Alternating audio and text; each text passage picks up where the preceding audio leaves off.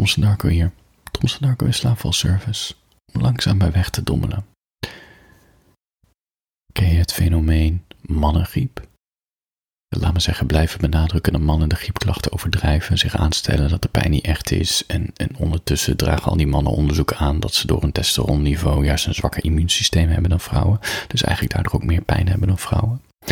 En dat ze dus eigenlijk echte Spartanen zijn. Ja. Ik vind het een hele oppervlakkige discussie. Ik kan ook een beetje boos om worden. Omdat je de ander ridiculiseert. Tot een soort stereotype. En ik, weet je, daar moeten we vanaf. Weet je, net zoals het niet grappig is dat het enige recht van vrouwen is het aanrecht. Weet je, dat niveau. Dat, laten we dat maar even ergens er in de jaren 90 of 80 hangen. Dat vrouwen niet de auto kunnen rijden. Weet je, al die stomme. Dat mannen nooit luisteren. Of altijd naar borsten kijken. Weet je, kap gewoon ermee. Het is zo oppervlakkige lul. Het is zo. Ja. Zoals de mannengriep. Boeien. Boeien. Boeien. Boeien. Sowieso is er bewijs dat iets bestaat als de mannengriep flinterdun. Het bestaat niet. Het bestaat niet. En sowieso.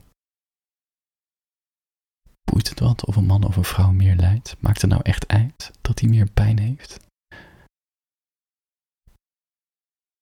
We lijden allemaal. En hoewel we nooit precies kunnen voelen wat een ander voelt, lijden we. En als iemand lijdt, troost je.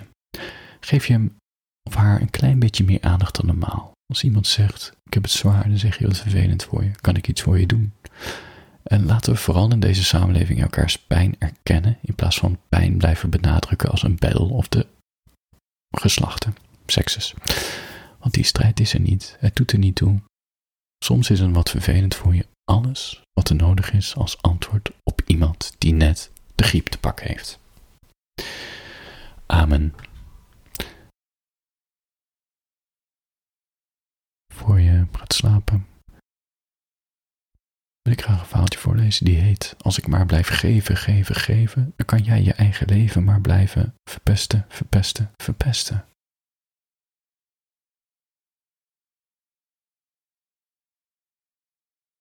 Het is gek om je zo te zien afglijden. Je bent nog steeds dezelfde, met die grote grijns op je smoel.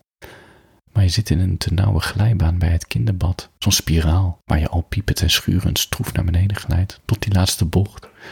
Dan verlies je alle controle en val je met armen en benen gespreid het water in. Je belt me nog steeds op als je je weer niet lekker voelt, of het nu ochtends of avonds is. Je doet alsof ik niet verder ben gegaan met mijn leven, alsof samenwonen met een ander niets voorstelt. Je dringt je op in mijn leven, zodat ik je weer kan helpen, zoals ik je toen altijd hielp. Dat is wat onze relatie altijd al is geweest. Jij, die het zo zwaar heeft met de wereld en jezelf. Ik, die zegt, verander dan, doe het. Ik, die voedingsschema's voor je maak. Je stiekem ochtends uit bed belt, die elke avond per app vraagt om een verslag hoe het ging. En jij, die enthousiast en trots antwoord geeft en zegt, blij dat je er bent. Tot je me weer voor een week negeert. Tot je me weer zonder aankondiging belt met: Ik heb het weer verpest. Ik zou moeten zeggen: Red jezelf. Ik zou moeten zeggen: Nu niet. Maar dat betekent dat ik je weer aan je lot overlaat. We hadden het elkaar beloofd toen we ermee stopten. Wij blijven voor altijd vrienden. Dus ik ben er voor je. Ook al heeft het invloed op mijn humeur en mijn relatie. Oh, het maakt me gek, het is zo complex. Al zei mijn vriendin eens: Jij bent degene die het zo complex maakt. Maar mensen laten vallen is niet iets wat ik kan. Tegen beter weten in. Ik geef om je. Ik hoop dat je het redt. Hopelijk ooit zonder me. Maar tot die tijd, blijf me bellen. Voor je gaat slapen. Is het jou eens opgevallen dat sommige mensen nooit vragen stellen in een gesprek? Het lijkt wel alsof ze het gesprek zien als een soort pingpongwedstrijd. Ik zeg wat, jij zegt wat, dan praat je om de beurt. En als de een stilvalt, is het gesprek eigenlijk over. Maar de kunst van een echt gesprek is niet om de beurt dat zeggen.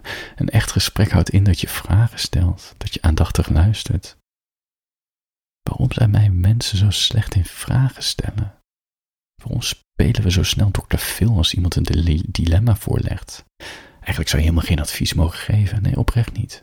Want je adviezen zijn vaak ook slechter dan je zelf denkt. Ze onthullen alles over jou. Jouw worsteling dit leven, jouw opgedane inzichten. Maar ze zeggen niets over de situatie van de ander. Bovendien overschatten we het effect van onze adviezen. Geen enkel antwoord zal een ander tot inzicht brengen. Echt niet. Was het maar zo simpel. En daar heb ik zelf ook wel eens last van. Weet je, als een goede vriendin haar hart weer eens bij me uitstort over haar onaangepaste vriendje. Dan zeg ik, je moet wel voor jezelf kiezen. En hij had geen rekening met je. En dan elke keer weer bevestigt ze mijn antwoorden met ja, ik moet voor mezelf kiezen. En ja, hij ziet me niet staan. Maar alles in mijn lijf voel ik dat ze het misschien wel zou willen, maar ze gaat het niet doen. Het, ze gaat het niet doen. Het werkt beter als je gewoon luistert, Thompson. Gewoon vragen stelt, gewoon de antwoorden bevestigt. Meer niet. Door goede vragen te stellen komt de ander eerder tot zelfinzicht. Stop daarom met denken in adviezen. Met vragen stellen los je namelijk ook een ander probleem op. Het geeft je gesprekspartner namelijk het gevoel dat je oprecht bent. En daardoor zal die ook oprechte vragen aan jou gaan stellen. Mensen willen pas luisteren als ze voelen dat ze gehoord worden. Echt waar. Voor je gaat slapen, ik wil even vertellen dat ik ook boeken schrijf. En die kan je kopen en die kan je lezen. Vrouwen die Charlie haten. Digital Love. Ze volgen me niet terug. Ze gingen samen het talenthokje in. Punt MP4. Lieve vreemdeling. Ik ga ook in de toekomst nog wat doen met luisterboeken. Uh, dus dan kan je ook naar me luisteren, hoef je niet te lezen. Dan kun je gewoon lekker naar me luisteren, terwijl ik een, uh, mijn eigen verhaal voorlees.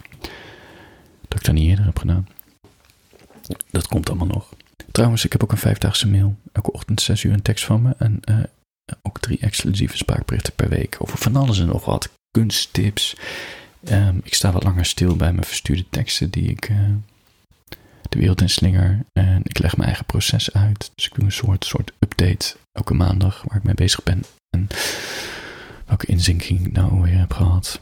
Dat soort dingetjes. Dus uh, petjeaf.com slash Darko. Abonneer je gewoon die paar euro per maand. Daar help je mij mee en jezelf. Win-win. Of koop een boekie, store.psychokiller.eu. Of een tasje. Uh, of een postertje. Ik heb nog wat stickers over, kan je ook kopen. Gewoon iets. Gewoon iets. Doe het. Maar waarschijnlijk ben je nu al aan het slapen. Misschien kan ik via codetaal jouw dromen inkomen. Dat je morgen wakker wordt en denkt: ik ga gewoon een boek kopen van Thompson Darko. Store.psychokidder.eu Handjes boven de dekens. Slaap